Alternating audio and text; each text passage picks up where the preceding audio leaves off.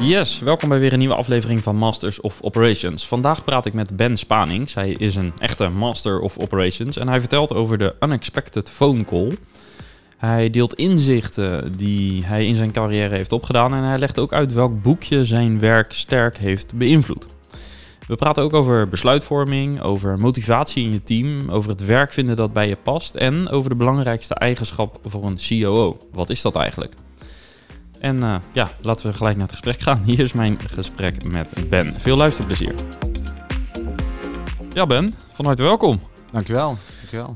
Uh, we gaan het hebben over heel veel dingen die uh, te maken hebben met het operationeel aansturen van een bedrijf. wat het inhoudt om COO te zijn, Masters of Operations, welke naam het ook geven. Um, maar om te beginnen, wij hadden een voorgesprek en daarin had je het over jouw persoonlijke drive en motivatie. Ja. En toen bracht je het fenomeen uh, de unexpected phone call op. Ja. Kan je die eens toelichten? Ja, ik kan ik zeker toelichten. Dat, uh, uh, mensen vragen wel eens aan mij, en ik mezelf ook, van goh, waarom doe ik nu eigenlijk de dingen die ik doe? En uh, ik geloof er echt in dat je dingen moet doen vanuit een passie en wat je zelf leuk vindt. Uh, en anders moet je vooral iets anders gaan doen wat je, wat je leuk vindt. Uh, dus jezelf in de kracht zetten. En een van de dingen dacht ik op een gegeven moment, ja, wat, wat drijft mij nu op dit moment? En het lijkt me zo gaaf om in de toekomst een unexpected phone call te krijgen. En wat ik daarmee bedoel is dat, dat er hopelijk ooit iemand in de toekomst een keer aan mij denkt en besluit om mij te benaderen uh, met een telefoontje. Om aan te geven, goh Ben, weet je nog, uh, dat moment toen, toen we dit gesprek gehad hebben, of toen je mijn leidinggevende was, of toen je me dit advies had gegeven. Uh, dat heeft me echt, echt verder geholpen. Dat, dus dat, dat lijkt me wel heel gaaf om dat een keer te ervaren. Ehm, ja. Dat ik blijkbaar dus echt van ja, nou ja, toegevoegde waarde ben geweest voor iemand anders. Dat, ja. Op persoonlijk vlak, ja. ja. Ja, want dat zit er dus achter, hè? Dat het, uh, er moet eigenlijk, het moet eigenlijk bij een ander vandaan komen. Dus je moet een ander verder geholpen hebben. Dat is wat je drijft. Ja, ja, en, dat, uh, en ik geloof niet dat je andere mensen kan veranderen. Uh, je kunt alleen maar jezelf veranderen. Je kunt andere mensen wel beïnvloeden. Uh, dus hoe gaaf zou het zijn als een keer iemand vanuit zichzelf besluit van hey, ik, ik neem dit besluit en ik ga hier ook opvolging aan geven. Ja. Dat, om op die manier elkaar nou ja, ja, toch wel te complimenteren, schouderklop te geven. Uh, het gewoon laten weten van, hé, hey, dan, dankjewel. Ja, het bedanken ook vooral. Ja, ja, ja. ja nou, gewoon een oprecht bedankje. Ja, dat zou mooi zijn. Ja. En, en uh, ja, ik zoek even naar het goede woord, maar operationaliseer je dat dan ook? Wat ik eigenlijk bedoel, is dit ook een bepaald stuur in jouw dagelijkse werk dan, zeg maar? Dat je ook nadenkt over hoe, hoe, wat kan ik vandaag doen om die unexpected phone call misschien op een dag te krijgen? Ja, ja. Um, dus echt elke dag ben ik, uh, ik ben, we werken natuurlijk allemaal met, met, met, met mensen. En uh, ik probeer elke dag te kijken inderdaad van hey, hoe kan ik iemand nu uh, verder helpen, in zijn of haar kracht zetten. Ehm, zodat die persoon zichzelf ook zeg maar kan, ja, kan groeien. Ehm, en dat dus ook leuk heeft. Waarbij ik er dus ook heilig in geloof van, goh, je moet eerst doen wat je leuk vindt. Want daarna word je er automatisch beter in. Uh, en niet andersom, dat je dingen moet doen waar je goed in bent. Want ik, ik weet bijvoorbeeld voor mezelf dat ik in sommige dingen best wel goed ben. Eh, maar vind ik gewoon niet meer leuk om te doen. Ja. dus doe dat dan vooral ook niet. En zorg er eens voor dat je het leuk vindt. Ja, dat is gelijk een uh, mooi uh, inkijkje zo aan de start van dit gesprek in uh, jouw motivatie. dank daarvoor. Ik ga misschien wel van je lenen, Oké, okay, als ja. het goed vindt. Ja, mag. Ja. Um, je kunt hem ook manifesteren als je wilt. Maar. Ja, precies. ja. Nou, ik moet zeggen dat soms krijg je wel eens berichtjes van, van podcastluisteraars. Niet helemaal. Hè. Dat heeft een, misschien een iets minder diepgaande betekenis dan zo'n telefoontje. Maar toch zijn dat wel de momenten waarop je denkt van ja, dit is wel een van de redenen dat je dit doet. Want het is natuurlijk best wel anoniem verder. Hè? Je praat in een microfoon en de gesprekken zelf zijn natuurlijk voor jezelf fijn om te hebben, omdat je er veel van leert. Ja. Maar het moment dat je... Je staat niet voor een publiek of zo. Ik kan me voorstellen dat als je artiest bent of zo... of weet ik veel, spreker... en je staat voor een publiek... dan krijg je echt direct reactie. Ja, ja dat krijg je als manager lang natuurlijk niet altijd. Want vaak wordt er maar gewoon voor lief genomen... denk ik dat je goede beslissingen hebt genomen. En als podcast host in dit geval, ja... eh, je hoopt dat het goed ontvangen wordt. Maar die feedback is natuurlijk dat het streelt je enerzijds, maar het is ook Ja. wel fijn om, om te horen of je op de goede weg bent of niet. Ja, ja, absoluut. Ja, en ook het langdurige effect natuurlijk. Dat is wel een eh, kenmerk, denk ik, van... eh, eh, ja, dat, dat, dat, dat drijft mij wel. Ja, Ja. absoluut. Ja, mooi. Ehm, een ander ding wat ook uit de voorbespreking kwam, dat was, jij, jij zei tegen me, er is een boekje, dat heet Double Your Profits in Six Months or Less. Ja. En je zei, als je een uurtje over hebt, eh, voorafgaand aan het gesprek, eh, blader het boekje door. Je hoeft het niet te bestuderen, maar blader het eens door. Heb ik gedaan. Ehm, waarom is dat volgens jou een must-read? Waarom beveel je dat aan? Ja, ik beveel het eigenlijk aan omdat het voor mij een heel duidelijke scheidinglijn eigenlijk brengt tussen eh, een, een founder of een CEO-rol in een organisatie en de COO. Want dat boekje dat beschrijft namelijk eh, heel mooi in, eh, nou ja, volgens mij zijn het 60 pagina's en elke pagina is één hoofdstuk, eh, wat, wat je zou moeten doen om een goed bedrijf te, te runnen. Heel zwart-wit. Eh, dat is in de extreemste vorm. Eh, en behoorlijk Amerikaans. en, en behoorlijk Amerikaans, ja zeker. Ja, dat, en, de, en het aanstaan ook no-brainers. Dan denk je, ja, logisch. Eh, dat, dat we dat moeten doen, hè, waar, waar, waar, veel over wordt gesproken, over ambitie en over missie. En, eh, en, en wat gaan we dan doen? Hè? We gaan, nou, we gaan een, een, een land veroveren. Eh, maar er wordt niet gesproken over de hoe. Ehm, en de hoe is daarin dan zeker, denk ik misschien nog wel van meerwaarde. Van ja, hoe kom je daar dan? En ehm, welke stap moet je vandaag nemen? Eh, en morgen en overmorgen. Om dan uiteindelijk die, eh, die leap die je voor ogen hebt, ehm, daadwerkelijk in te vullen. Eh, er zijn ook meerdere wegen die naar Rome leiden. En er is geen, geen goede of slechte route. Het is gewoon een, een route kiezen en stap voor stap daar naartoe lopen met, met je team, met je collega's, ehm, om daar dus voor te gaan. Wat, wat, betekent dat? daar wil ik heel even bij stilstaan, want je zegt dus er is geen goede of slechte route. Ehm, wat betekent dat voor jouw besluitvorming? Dus ik, eh, ik ben van mening dat er geen goed of slecht besluit is. Het enige slecht besluit is geen besluit nemen. Eh, waarbij een goed besluit in die, in die. Als je goed hebt uitgestippeld, eh, daar gaan we naartoe. En dan komen bijvoorbeeld een aantal opties op tafel. Eh, en al die opties sluiten aan in de route. Alleen misschien is de volgordelijkheid net iets anders of de impact is anders. Dan eh, kies ik er bewust voor om de besluitvorming binnen mijn team te laten liggen. Ehm, want eh, uiteindelijk dient het team, de, de collega's, ehm, die, eh, die hebben het geluk om het te mogen uitvoeren. Ehm, ik daarin wat minder. Dus ja, alles wat hen persoonlijk drijft, en dan komt weer op persoonlijke waarde uit en wat vind ik leuk om te doen, eh, dat zorgt er ook voor dat het een succes gaat zijn. En een succes daarbij kan ook zijn dat we besluiten dat ehm, de route niet is wat we verwacht hadden wat het zou zijn. Ehm, en dan is het dus van nood ja, ook gewoon heel belangrijk om op tijdig gewoon een keuze te maken van oké, we kiezen vanaf nu een andere route. Eh, want we hebben nieuwe inzichten. En met die nieuwe inzichten gaan we een beetje meer naar links of een beetje meer naar rechts. Maar als je hem iets zou nuanceren, zou je dus je zegt er is niet per se goed of fout, maar of goed of slecht. Eh, maar is er dan niet iets als, als eh, goed of beter? Vooraf is dat in mijn ogen theoretisch. Eh, dus dan kun je van tevoren heel veel analyses op loslaten wat goed of beter is. Maar dat effect ga je achteraf toch pas zien.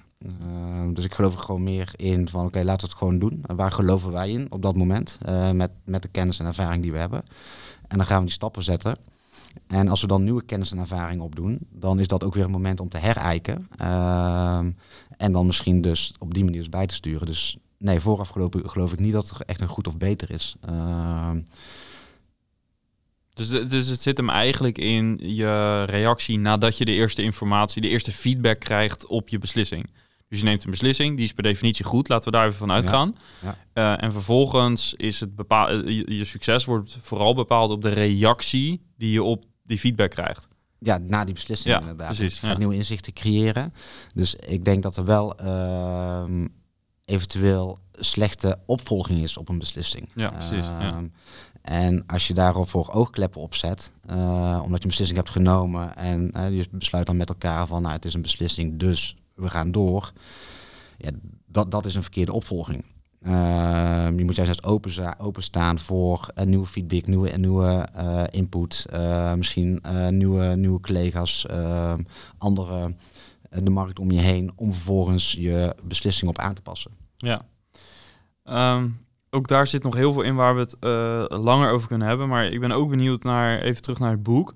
Eh, welke bladzijde sla jij het vaakst open ehm, van dit boek? Ehm, ja, ik vind het altijd wel een mooie. eh, op een gegeven moment zeggen ze eh, namelijk. Het zijn eigenlijk twee. Dus eentje zit hem op de kosten. Ehm, namelijk, het boek zegt op een gegeven moment van: Goh, als je kosten wilt reduceren, dan moet je eigenlijk alle facturen door jezelf laten eh, valideren. Ehm, nou, daar wordt ook heel zwart-wit in gezegd. Hè, want als je een grote bedrijf hebt, heb je gewoon heel veel, heel veel facturen. Ehm, maar de kern van de waarheid zit hem erin dat je eigenlijk de, de beslissingen bij de mensen moet neerleggen die er verstand van hebben. Dus niet zomaar alles klakkeloos accepteren, ehm, maar daar echt kritisch naar kijken en kijken, ja, is het ook nog steeds nodig? Ehm, want misschien is ooit wel een keer een beslissing genomen om een bepaalde investering te doen. Maar kijk jij daar als eindverantwoordelijke kritisch naar? Of wil je dat jouw mensen daar kritisch naar gaan kijken? Of beide? Hoe, hoe gaat dat in zijn werk? Want de vraag achter deze vraag is dat toen ik het boekje doorbladerde en ook bij dit punt uitkwam, toen dacht ik van, ja, maar dit neigt ook bijna naar micromanagement. Ehm, want, want je wil uiteindelijk dat jouw mensen, als, als er vertrouwen is in jouw mensen, dan zou je ervan uit kunnen gaan, volgens mij, dat jouw mensen handelen in jouw bedrijfsbelang. En op het moment dat zij zien dat, een- dat ze te veel betalen voor een bepaalde dienst of product, dat zij daar scherp op zijn. Maar ik kreeg uit, afgaan op het boek, kreeg ik een beetje het gevoel dat je die vrijheid niet moet geven. Dat je dat meer naar jezelf toe moet trekken. Heb ik dat verkeerd geïnterpreteerd? Ja, dus hoe ik hem lees is dat je zeker de facturen bij, die, bij de persoon moet neerleggen die er ook daadwerkelijk mee bezig zijn. Eh, dus, dus zeker beleggen in de organisatie. Ik geloof ook in dat je zoveel mogelijk besluitvorming zo, eh, eh, zo ver mogelijk van jezelf vandaan moet houden. Dus, dus meer in, in de organisatie moet beleggen. Eh, want dan zet je mensen ook weer namelijk in de kracht. Hè? Want dan laat je hen kiezen om keuzes te maken. Ehm, en ik geloof er eigenlijk in dat iedereen go- goed in staat is om eigen keuzes te maken. Ehm, hoe, ik hem bijvoorbeeld onder andere lees, is dat eh, ik word soms eens uitgenodigd bij een investeringsmaatschappij die meerdere bedrijven heeft. En die zijn nou bijvoorbeeld eh, begonnen met te vergelijken van bepaalde kostlijnen op, op hoofdniveau, dus geen micromanagement. En daar dan met elkaar een gesprek over te hebben van, goh, waarom is het bij mij zoals het is? Eh, want daar is ook geen goed of fout in, eh, maar er zit wel een verschil in. En dus die oogkleppen afzetten eh, en die vergelijking opzetten. ehm, ik, ik denk dat daar juist net de kracht zit. Ik maak soms ook wel het. ik ben geen voetballer, maar ik heb ooit een keer tegen iemand gezegd van goh, hoe gaaf zou het zijn als je een voetbalclub bent in Nederland. Nou, Feyenoord is net kampioen geworden. En je mag met eh, de directie van Barcelona sparren. Eh, je bent in principe geen concurrent van, van elkaar, tenzij je elkaar misschien treft in de Champions League. Ehm, maar daarmee kun je dus alleen maar winnen. Ehm, want wat, wat doen ze in Barcelona of in Madrid eh, anders ten opzichte van, van wat jij in Nederland doet? Ja. Ehm, en die, die oogkleppen, en dat komt dus ook voor mij ook weer terug in dat, in dat boekje van goh, wat, wat je moet doen is heel duidelijk. Eh, en dat vervolgens ook dan te beleggen. Ehm, maar vervolgens er kritisch op blijven met elkaar om te voorkomen dat je eh, onbewust ervan uitgaat dat je een beslissing maakt in het bedrijfsbelang. Eh, terwijl het helemaal niet meer het geval is, omdat je dat niet meer ehm, reflecteert. Ja. Of je mist simpelweg informatie om een beslissing te nemen. In zo'n situatie. Ja, Ja. ja. Ja. en eh, ze praten ook in het boekje over strategische investeringen en niet strategische investeringen. Dus een, een eh, en dan praten we het even over kosten. Een bepaalde kostenpost vandaag kan strategisch zijn, maar is het misschien over een jaar niet meer. Ehm, dus elkaar constant erop triggeren om scherp te blijven en elkaar in ieder geval de vragen te stellen of het nog, eh, of het nog noodzakelijk is. zorgt ervoor Ja. dat je daarbij kritisch blijft. Verklapt dit ook iets over jouw achtergrond? Eh, eh, dan heb ik het met name over best practices. Eh, je hebt bij veel organisaties heb je al meegedraaid. Ehm, je hebt ja, de rol van COO in verschillende bedrijven ingevuld. Ehm, je liet ook een beetje doorschemeren dat het werken met best practices en daar scherp op zijn, dat dat ook een van de dingen is die bij die rol hoort. Als ik dat goed begreep. Ja, ja, dus in mijn ogen een uh, best practice, dat, uh, dat is iets wat je, we hebben het even over, over financiën gehad, maar uiteindelijk zijn het, zit het vooral, al, vooral in de mens en in de mensen. Um, en best practices, dat is iets in mijn ogen wat leeft en zijn voortgang krijgt door mensen en met mensen. Ehm, dus dat zit hem vooral in de hoe. Hoe doe je nu dingen? Ehm, en om een hoe over te brengen, uh, geloof ik erin dat je vooral ehm, voorbeelden uh, dient te delen als, als, uh, als persoon met de andere afdeling, met andere collega's, um, om elkaar op te triggeren. En zodat collega's ook de vraag kunnen stellen van, hey goh, als jij een bepaald project in een bepaalde vorm hebt benaderd, is dat iets wat ik ook zou kunnen doen? en wat zijn jouw lessons learned daarvan en hoe kan ik die dan eventueel toepassen op mijn eigen praktijk? Um, want de wat, zoals in het boekje, is heel duidelijk. Uh, maar de hoe uh, zijn gewoon verschillende routes die je kan nemen. En het is heel krachtig, juist net, om die verschillende routes vooral te delen met collega's. Uh, zodat je elkaar daarop kan stimuleren van ja, en hoe kan ik dit dan toepassen binnen mijn eigen werkveld? Ja.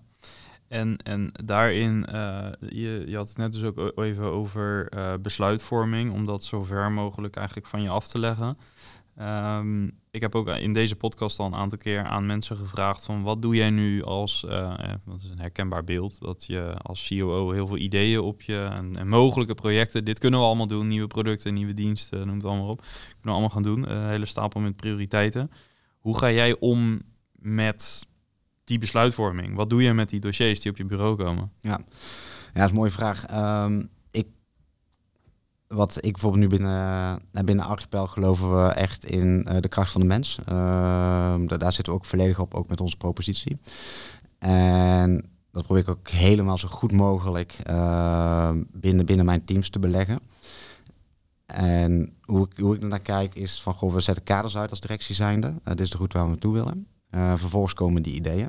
Uh, de enige toestemming die ik daarop doe is, oké, past het idee binnen de kaders die we uitgezet hebben? Nou, dan blijven een aantal meerdere ideeën blijven dan over.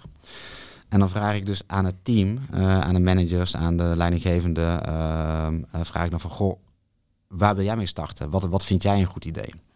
Ehm, want alle ideeën zijn goed, ze passen allemaal binnen de richting waar we naartoe gaan. Ehm, alleen uiteindelijk uh, ben ik niet degene die, dat, die met het idee zeg maar, uh, gaat starten, uh, zijn, het, zijn mijn collega's. Dus ik heb liever dat zij de keuze maken, ehm, want zij kunnen veel beter inventariseren wat de impact is dan wat ik kan. en uiteindelijk gaat het er weer om van oké, wat vind ik leuk als teamlead om, om te doen, of als manager zijnde, samen met mijn team. Ehm, hoe kan ik dat tot een goed succes leiden? Uh, dus dat, dat idee, dat ga ik eens stimuleren. Ja. Uh, en, en kun je een voorbeeld geven van zo'n kader? Is misschien een beetje een lastige vraag, omdat het natuurlijk heel erg afhangt van de situatie. Lijkt me. Maar eh, wat, wat, hoe ziet zo'n kader eruit? Waar binnen mensen beslissingen mogen nemen? Ja, dus we hebben een aantal uh, doelstellingen uh, die, die uiteindelijk leiden tot, tot, tot het grote geheel. Bijvoorbeeld een van de doelstellingen binnen operations is uh, de, de efficiëntie te, te verhogen. Nou, wat, betekent dat dan? nou, binnen Archipel betekent dat dat we dus willen kijken of we de, de tijd per inschrijving van een nieuwe training kunnen verlagen, waar wij dus die wij verwerken. Ehm, nou, dus heel, heel concreet een operational doelstelling. Ehm, dus elk initiatief wat daaraan bijdraagt, uh, zorgt ervoor dat, dat, we die, uh, dat we die tijd gaan verlagen. Ja. Zodat we vervolgens ook het kunnen richten op doorontwikkeling en dergelijke. Ja, dus als je het omdraait, dan zou je zeggen: oké, er ligt nu dit idee op de plank. En uh, aan de medewerker of het team die dat inbrengt, is de vraag: draagt het bij aan deze doelstelling? Zo ja. Vooral doen. Go. Ja. uh, zo niet. kun je iets bedenken wat wel binnen die doelstelling past? Ja, inderdaad. Ja. ja. ja. Uh, dus dat de meerwaarde dus in die zin dus altijd binnen de, binnen de, binnen de, uh, binnen het uitgangspunt van de organisatie ligt. Ja. Um, en dat kader, je noemt dus doelstellingen, zijn daar nog andere dingen in? Uh, soms krijg ik te horen over values, dat bijvoorbeeld dat het aan bepaalde waarden, kernwaarden moet voldoen. ja, absoluut. Ehm, dus kijk, kijk, als organisatie zet, zet natuurlijk je ambitie uit. Ehm, en, en een van de en, en waardes zijn daar super belangrijk voor. Het is ook de persoonlijke waardes onderling. Uh, dus waardes zie ik echt in, in gedrag van mensen. Uh, dus als bepaalde voorstellen te betrekking hebben op ehm, op, op de waarden die we als organisatie uitgezet hebben, eh, dan is dat ook per definitie altijd een go. Ehm, want, het, want dat stimuleert elkaar natuurlijk alleen maar. Dus een doelstelling voor mij is niet sec een, een nummer. Eh, het zit hem in hè, de missie, de visie, waar gaan we naartoe? Ehm, wat vinden we dit jaar belangrijk? Wat vinden we volgend jaar belangrijk? Ehm, en dat zijn zowel hard als, als, als, als soft zaken, absoluut. Ja. Zijn er dingen waar je wel echt actief uh, in, in het decision-making proces zit? Um, Want het klinkt alsof je de heel veel dingen echt teruglegt, dus. Ja, dus ik leg, ja, ik leg heel veel dingen terug, omdat ik uiteindelijk ook met de achtergrond van ja, ik, ik wil zelf niet onderdeel zijn van het proces. Uh, uh, daar zie ik soms gewoon een valkuil voor mezelf. Hm. Dus dat is ook de reden daar, uh, daarvan, uh, zodat ik geen bottleneck ben. Ehm, dus, dus ja, ik zit zeker ook wel in een aantal besluitvormingen. Ehm, waarbij dan soms ook dus gewoon door mij de knoop wordt doorgehakt. als, als we het dus te belangrijk vinden. Uh, en we bepaalde zaken op een bepaalde manier of iets willen bereiken met elkaar, dan, dan maak ik ook die keuze. Um, en ik denk ook dat, dat een goede leider, vooral een goede CEO, inderdaad ook zeker uh, de vrijheid geeft aan, aan, aan zijn en haar collega's. Um, maar waar nodig ook instapt uh, om gewoon soms gewoon heel duidelijk te zeggen: oké, en, en nu gaan we even naar links of even naar rechts. Ja. Um, en dan is het natuurlijk wel weer de kracht om naar de mensen op de juiste manier mee te nemen. Ja.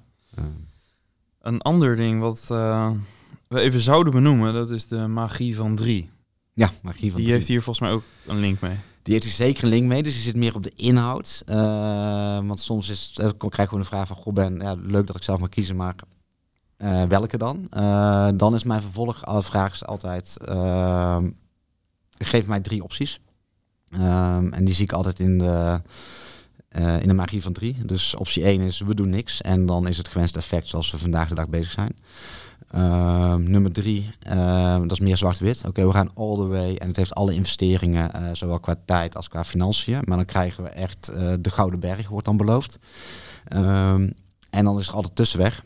Ehm, en dat is namelijk de, de weg, zo, ja, zo de, de weg die bewandelbaar is voor de organisatie en voor je team op dat moment. Een beetje het realistische scenario. Ja, het realistische scenario. Ja. Laten we eens beginnen met een aantal proefballonnen, kijken wat eruit komt en dan vervolgens de keuze maken of zullen we het op deze manier stapsgewijs doen. Uh, ik vind stappen altijd heel belangrijk. Uh, dus weet wanneer je ook wilt, uh, wanneer je een, een wijziging in koers wilt aanbrengen.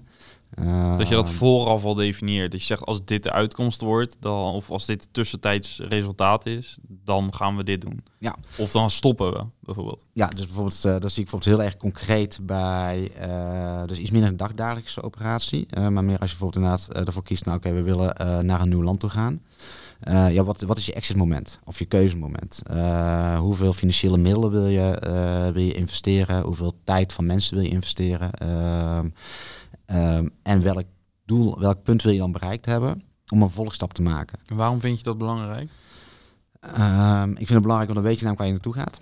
Als uitgangspunt, eh, die vervolgens zeker kan veranderen. Um, en je, je begint met een, in ieder geval niet te diep, maar in ieder geval met een aantal aannames waarvan je zegt, van, nou als we dit bereiken, dan uh, vinden we succesvol omdat ik vanuit mijn persoonlijke ervaring heb meegemaakt dat je, je soms jezelf kan vergeten uh, hoeveel investeringen je doet in een bepaalde casus, even een nieuw land.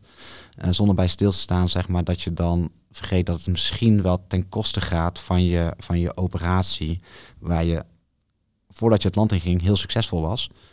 Maar als je daar resources op eet, hè, collega's die tijd moeten investeren in, in een nieuw land, uh, dan krijg je uiteindelijk ook uh, medewerkers die niet meer tevreden zijn, uh, wat ze voorheen wel waren, klanten die misschien uh, minder tevreden zijn, waar je al succesvol was. Ja. Ehm, dus die balans is daarin heel belangrijk. Ja. Um, Misschien even advocaat van de duivel, maar je zou ook uh, kunnen denken als je echt een beslissing neemt waar je echt volledig achter staat, dan hou je niks in. Dan ga je echt volle bak ervoor. Ja. Ik, Zie, je, ik zie een glimlach. ja, dat komt omdat ik heb bij een organisatie gewerkt, uh, een fantastische organisatie, uh, XPV, een, een start-up. Uh, de, de wereld was, is, is te klein. Het is all or nothing. Het is echt echt een, een start-up in zijn, in zijn genen. Echt, echt heel mooi. Um, Veelbelovend product ook, volgens mij. Ik volg ze een beetje. Ja, ja heel, heel gaaf product. Dat, uh, ik denk ook zeker dat ze nog heel ver gaan, uh, gaan schoppen en dat ze echt wel succesvol gaan zijn. Uh, en daar hadden ze inderdaad uh, vanuit, ook vanuit een DNA, de founders, de, de mentaliteit van oké, we gaan er gewoon voor en de besluitvorming en we zetten alles op alles. Ehm, en dat past niet bij mij als persoon. ik merk dat ik daar ehm, misschien wel een stukje overzicht op een gegeven moment kwijtraakte we deden daar ook wel soms rennen naar de volgende investeringsronde. Uh, dus, dus ja, ben je dan nog bezig met je... En dan vind ik zo in het algemeen hoor, het algemeen met startups. Ja, ben je op een gegeven moment bezig met investeringen binnen te halen? Uh, of ben je bezig met, met, met je collega's om er een succesverhaal van te maken... waarvoor je uiteindelijk vanuit de passie ooit een keer het bedrijf bent begonnen? Nu is die markt natuurlijk wel een beetje veranderd met, met de, de start-up klimaat. Uh, dus ik geloof veel meer in sustainable growth. Uh, Misschien is dit wel een van de redenen dat startups nu een beetje in deze crisis zitten. Um, ja. Ja, weet ik niet. Ik, uh, dan kom natuurlijk een stukje met vraag en aanbod gaan we dan uh, hebben. Uh, dus het is misschien weer meer bij, bij CEO's. Ehm, dan zeg ik altijd, ja, maar dat is wat de gekke voor geeft in die zin. Ehm, uh, genuanceerd. En ik geloof dan meer echt in de. Het, het gaf mij best wel veel stress, zal ik, zal ik mhm. daarop houden. En stress ook denk van, nou, dan ga ik liever in een omgeving werken die, uh, waarvan we weten van, oké, we kunnen uh, investeren, we kunnen ook ambities waarmaken, we kunnen ook groeien. Um, en laten we het dan vooral inderdaad met elkaar doen. misschien een stukje meer planmatig, maar niet te veel. Ja. Ehm, zeker ballonnen oplaten. En daar continu van leren en constant kleine stapjes nemen. Uh, in plaats van in één keer een hele grote stap. Ja. Uh, je kunt op allebei de manieren ben je, kun je succesvol zijn. En dus dat heeft weer te maken met je hebt meerdere routes naar Rome. Ja. Uh, maar voor mij als persoon, en dat vind ik altijd heel belangrijk, van ja, waar, waar, word ik nou gelukkig van? En dat gun ik ook echt iedereen uh, die, die hier hopelijk naar luistert. Van ja, als je, als je doe iets wat je leuk vindt, want dan word je vanzelf succesvol. En uh, dat was hetgeen wat, wat mij minder lag. Terwijl ik wel dacht van tevoren, yes, dat ga ik een keer doen, want het lijkt me gaaf om dat een keer mee te maken. Ja. Uh, wat het ook was, hè. Het, was, het was echt fantastisch. Dus uh, ja. ja nee, ik zie ook, ik zie ook ergens misschien ook nog wel een beetje de strijd of zo. Dat, dat, dat, dat, dat zo'n avontuur is natuurlijk fantastisch om daarbij betrokken te zijn. Als er zoveel ambitie is. Maar als je verliest in de operatie en als je misschien niet de dingen kunt doen op de manier zoals je doet, dan kan ik me voorstellen dat je op een gegeven moment daar, uh, ja, dat het niet past of zo. Ja, ja dus, dus dat, uh, dus daarom, hè, dus daarom, uh, ik, ik, ik cheer elke start-up aan. Ik vind het fantastisch, super gaaf. Ehm, en die rollercoaster is super gaaf. Ehm, en de vraag is dan vervolgens, oké, past het bij mij? Dus ja. zeker. Ik ben zeker een supporter van startups, absoluut. Ik, vind, ik vind dat heel mooi. Ehm, en, uh, en ik support mezelf vooral ook om dan te kijken van, hé, maar wat, uh, wat, wat, wat, wat doet het met mij als persoon? Ja. Uh, krijg ik een slapeloze lach ervan? Uh, wat, wat, is, wat is mijn stressniveau? Daar ben ik wel wat, wat bewuster voor. en ja, dus dat was een keuze. Ja. Uh, ja, en je bent denk ik als uh, COO of operationeel verantwoordelijk ook een van de cultuurbepalers. Ja. En, en zo'n cultuur, uh, de cultuur sustainable growth versus growth at all costs, zeg maar, als we die twee dan even als uitgangspunt zouden nemen, heb je wel iets andere cultuur, denk ik. Niet? Ja, ja, ja, andere cultuur, ander type soort persoon ook die je in je organisatie nodig hebt. Ja. absoluut waar. Ehm, ehm, dus, dus ja, zeker. En voor mij de het cultuur om het dus uh, sustainable te doen. Uh, uh, stap voor stap, uh, wat ook super snel kan gaan. Ehm, want met, met Archipel hebben we ook, ook ambities om in ieder geval eerst stap in ieder geval in Europa zeker, zeker ook de leider te worden. Ehm, dus, dus, dus daar ben ik ook zeg maar de, de podiumbouwer. dus ik maak dan graag het podium. En ik zorg er ook goed, graag voor dat het podium ook goed staat. Wat houdt dat in, het podium bouwen? Ja, podium, ja hij houdt, ik heb, ze vertellen mij eigenlijk verkeerd, maar de podiumbouwer is eigenlijk voor mij uh, de rol van de CEO. Uh, en de rol van de CEO voor mijn ogen is dat jij de podium bouwt. Uh, niet zozeer voor mensen die het podium toch al opeigenen, hè, want die, die, die, creëren hun eigen podium. die moet je vooral ook supporten om dat te doen. Ehm, als CEO ben je in mijn ogen de podiumbouwer, eh, leg je de, uh, de rode loper uit en zorg je ervoor dat de mensen in de operatie ook een podium krijgen. Uh, wat ik daarmee bedoel is, en ik trek hem heel zwart-wit en dat is zeker niet altijd het geval. Maar op het moment dat een salespersoon een nieuwe deal sluit, dan gaat de champagne open. Ja. Terwijl het in een functiebeschrijving staat. En op het moment dat uh, een hele goede collega, of het nou iemand is die in een, uh, een service desk zet, uh, klantenteam, het, een binnendienst, operatie, financiën, goed ervoor zorgt dat, dat de klant geholpen is, dan is het oké. Dat is vanzelfsprekend. dat is vanzelfsprekend. Ja, ja, ja, ja. SLA's, Service Level Agreements, soms wel eens bekend. Uh, als ze groen zijn is het oké, dan praten we er vooral niet over.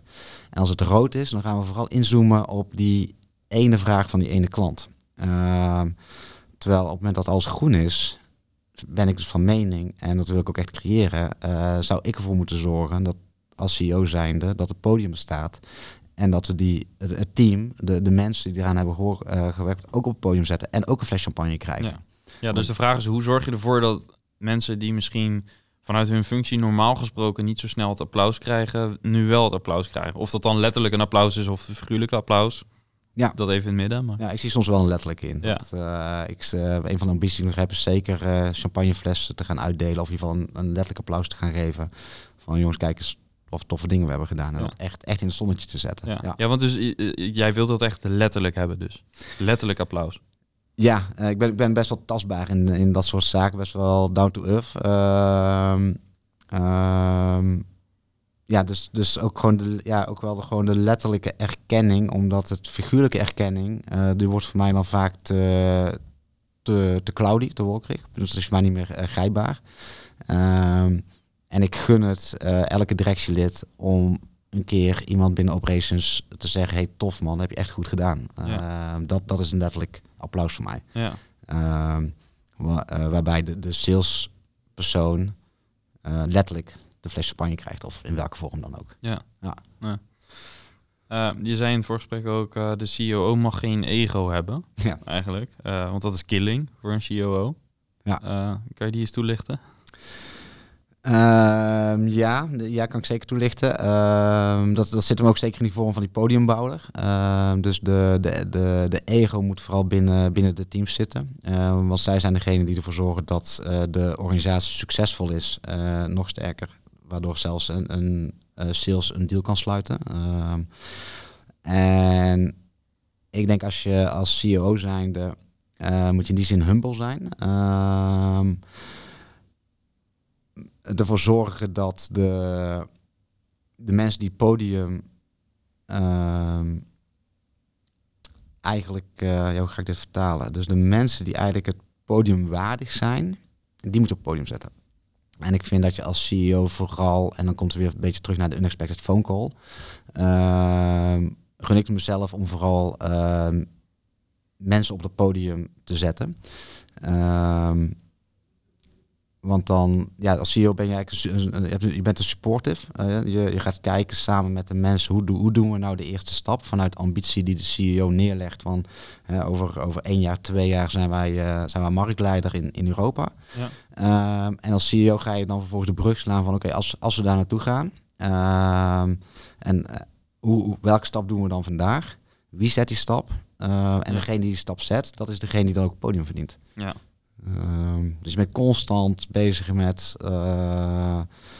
uh, hoe vertaal ik ambitie uh, naar begrijpbare taal, uh, zodat, mij, zodat bij wijze van mijn oom het begrijpt van, oh ja, dus als ik vandaag deze stap zet ja. en morgen de, de, volgende stap, dan uiteindelijk dan, dan komen we bij, ehm, bij dat grote doel van de CEO. Ja. Waarbij ik, het is misschien wel een mooie ook nog een toevoeging. De CEO die heeft liever gisteren dan vandaag. Ehm, en als CEO dien je dus ook die balans te vinden met ja, hoe, hoe ver stretch je, je, je, je de operatie uh, en geef er invulling aan. Want uh, ja, per definitie ben je trager dan de, dan de, dan de ambitie zelf. Ja. Um, en Herkenbaar, balans, denk ik. Ja. ja. ja, dus die brug slaan, dat is uh, en constant over, over die brug heen lopen van links naar rechts. Ja, ja dat, dat is voor mij de CEO. Ja. Heb je nog, eh, gebruik jij bepaalde instrumenten om die visie naar kleine, meer hapklare projecten te krijgen? Ehm, Je hebt bijvoorbeeld binnen scaling up zie je vaak, hè, dus dat je rocks definieert en nou ja. Ja, ja, dus de, ik ben erachter gekomen. Ik heb best veel in de praktijk geleerd. Dat eigenlijk alles wat ik in de praktijk heb geleerd eh, vanuit het verleden, dat dat ook allemaal theoretisch onderbouwd was. eh, en vice versa. Dus ik gebruik vaak.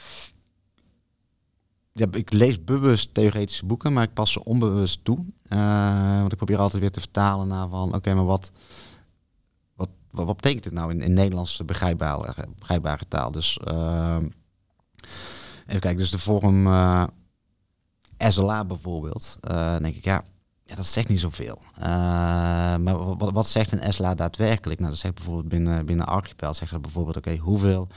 Uh, hoe succesvol zijn wij deze week geweest of vandaag om mensen aan een opleiding uh, hmm. te geven en ook daadwerkelijk als ze hem afgerond hebben. En dus daarmee hebben we weer één iemand in Nederland uh, geholpen in hun carrière of in hun ontwikkeling. Um, dus als ik die SLA kan vertalen naar, oké, okay, maar hoeveel mensen hebben we deze week, deze maand, dit jaar geholpen aan, aan hun trainingsbehoeften, ja, dat is, dat, dan wordt die voor mij tastbaar. Ja. Dan wordt die voor mij concreet. Ja. Uh, en, en, en dus daar probeer ik hem in te vinden. Ja. Uh, want dan gaat het ook leven. En SLA leeft niet, voor mijn ogen. Het, het is uiteindelijk de... En dan kom je weer bij de kern terug van je organisatie. Ja, waar, waarvoor doe je het nu? Ja. Uh, ja, wij doen het nu in een opleidingsbehoefte. Ik heb in Verenigd ook in een bedrijf gewerkt waarbij we deden inderdaad om voor te zorgen dat uh, patiënten uh, de juiste medicatie kregen. Nou, hoeveel patiënten hebben we dan geholpen? Uh, waar hebben wij dus aan, aan, bijgedragen als organisatie zijnde? Dat, uh... Ja, dus je zoekt naar een bepaalde manier om te kwantificeren vooral.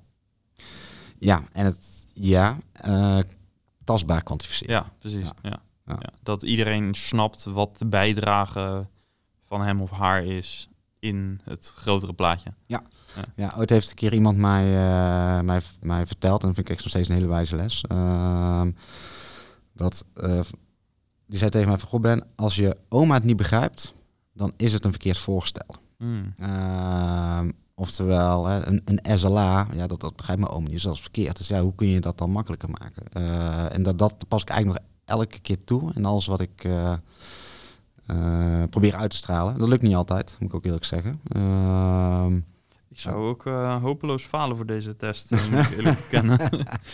ja, maar dat is wel een mooie. Want, ja, zeker. Uh, ja. We zijn natuurlijk heel erg gewend om in modellen te, te praten Ja. op strategisch niveau. Um, maar wat betekent het dan voor, voor ik als Ben zijnde die, de- die de telefoon opneemt of die een factuur inklopt? Ja. Ja, wat, wat betekent een factuur dan? Het gaat niet om dat ik die duizend facturen ingeklopt heb. Het gaat erom dat we ervoor zorgen dat onze leveranciers tijdig worden betaald. Zoals ze blij zijn om met ons samen te werken. Ja. Uh, ja, hoe blij zijn ze dan? Ja. Waarom zijn ze blij? Neem die telefoon op en bel ze even. Er hoort dus ook heel veel vragen stellen aan jezelf bij. Ja, ja, ja, ja de waarom-vraag uh, vind ik ook trouwens een fantastisch boek. Ja. Uh, dus heel veel Ja. vragen stellen aan mezelf. En altijd drie keer de waarom-vraag stellen. Dat is Ja. ja, waarom... Ja, drie keer de waarom en dan kom je tot de kern. Ja. Dat, uh, ja, absoluut. Ja, ook een mooie tool. Eh, laatste vraag, die stel ik eigenlijk aan iedereen. Eh, wat is de belangrijkste persoonlijke eigenschap voor een COO, volgens jou? Ja, ik denk, dan kom ik misschien toch een beetje terug op, die, op dat stukje, uh, stukje ego. Uh, omdat je in die zin zeker geen... Uh, ja, dat je ego thuis moet laten. want in die zin ben je toch een waterdrager. tussen, tussen de verschillende partijen en organisaties. Want alles komt uiteindelijk terecht in, in operatie, links of rechtsom. Ehm, heel goed luisteren. Uh, naar mensen doorvragen. Uh, het, echt, het, het, willen begrijpen. Uh, dus weer vanuit je, je innerlijke drijf echt, echt het willen begrijpen. Ehm, om vervolgens die connectie te kunnen maken. Ehm, en dan de vertaalslag te maken tussen de, de begrijpbare taal naar richting, richting mijn oma en het strategische gesprek op directieniveau. Ja, je noemde er nu twee. Wat is de allerbelangrijkste? De ego. Ego. Ja, okay. absoluut. Ja. Top. Dankjewel. Leuk uh, om uh, te horen hoe jij, uh, wat jouw kijk is op, op het, het sturen van een organisatie. En ja, zoals gezegd, het boekje waar we het in het begin over hadden is How to Double Your Profits in Less Than Six Months. Six months ja. ja. we zullen even de de link naar dat boek ook in de show notes uh, zetten. Dankjewel. Graag gedaan, dankjewel.